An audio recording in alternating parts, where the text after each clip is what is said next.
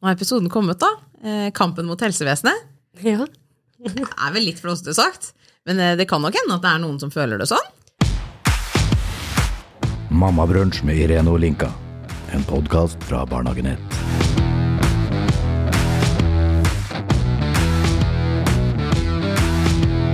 Det er nok ganske mange som føler det sånn. Eh, Jeg blant annet føler jeg hadde en liten kamp med helsevesenet når Isak var spedbarn. Um, Hva skjedde? Nei, det som skjedde var at Isak hadde jo en litt sånn eh, tøff start eh, på livet. Han eh, gråt veldig mye, Ja. til alle døgnets tider. Det var veldig vanskelig å roe ned. Og det eneste gangen han så, var hvis vi gikk tur. Altså vogn i bevegelse. Var ute og gikk mye, eller? Ja, jeg gjorde det. Så jeg, jeg gikk faktisk ned i vekt ganske greit, ja, altså første halve året. Men så, når han ble bedre da, og fikk medisiner, så ble jeg mer eh, Jeg var ikke like aktiv lenger, så de kiloene kom jo igjen. Men eh, det, det får være. Eh, Men han gråt jo som sagt veldig mye.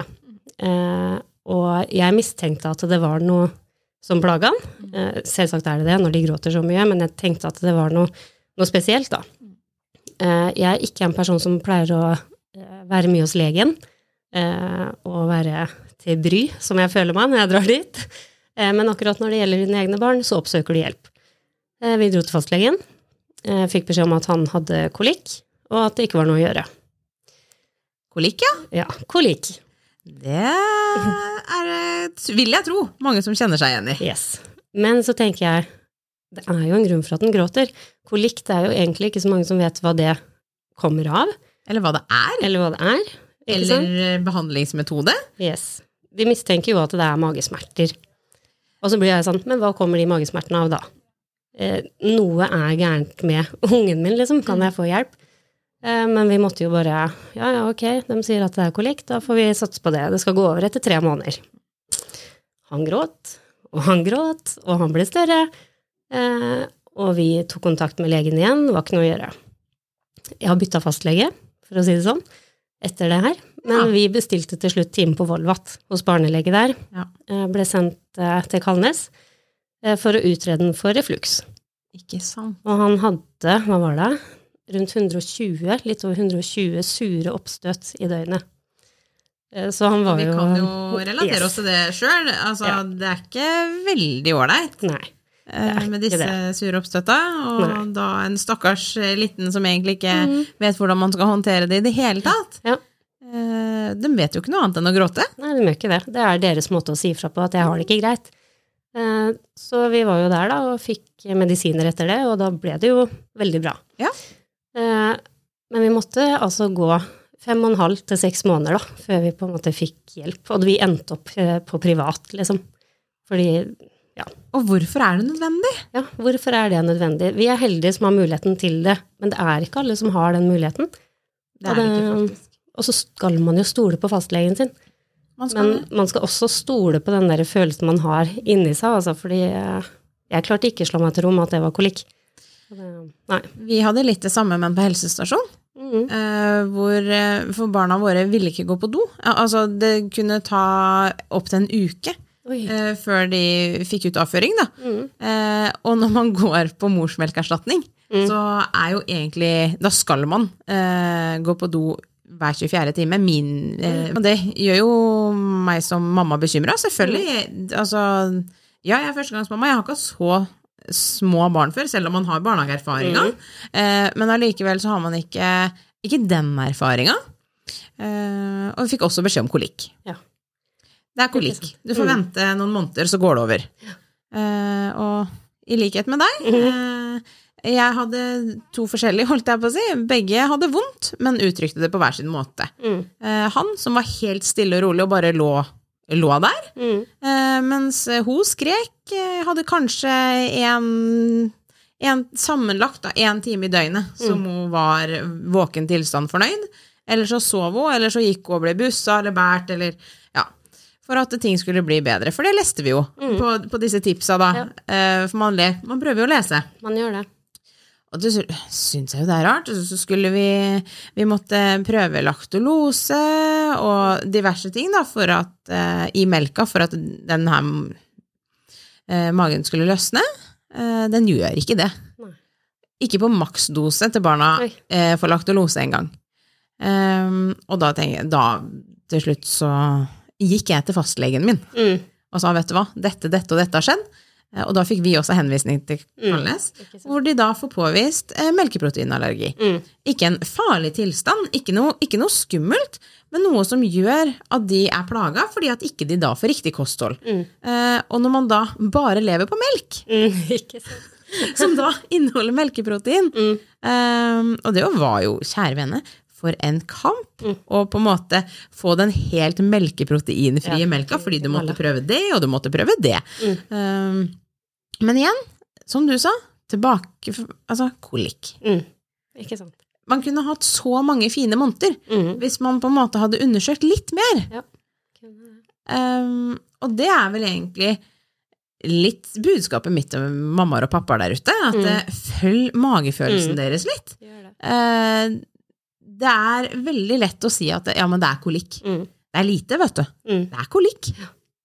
Og noen har selvfølgelig eh, altså det de betegner som mulig årsak, da, Mm. altså kramper i tarmene eller Mm. eh, Selvfølgelig er det noen som har det, men det kan også være bakenforliggende ting. Mm. Og de skal man ikke overse. Det er vel egentlig budskapet vårt. Mm. Sånn.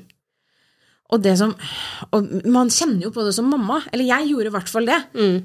Den gråten i evinnelige timer, Ja. eh, hvor man da skal gå og busse, og man sover fryktelig dårlig selv, eh, Mhm. fordi at det våknes opp mange, mange ganger i løpet av natta, og man blir jo helt sprø.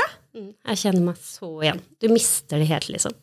Det er, eh, du blir så sliten, du har mangel på søvn, og du er Du går i det derre gråten hele tida. Altså, det var noen dager hvor jeg gikk med, med Isak på armen og gråt sjøl og bare 'Nå må du slutte!'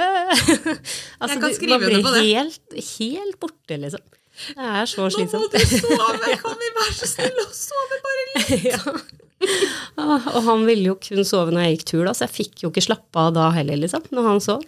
Så var det noen ganger når Eivind kom hjem fra jobb, og jeg bare Nå er jeg så ferdig. Bare kom, møtte han i døra, ga han ungen og bare Nå må jeg slappe av litt, jeg.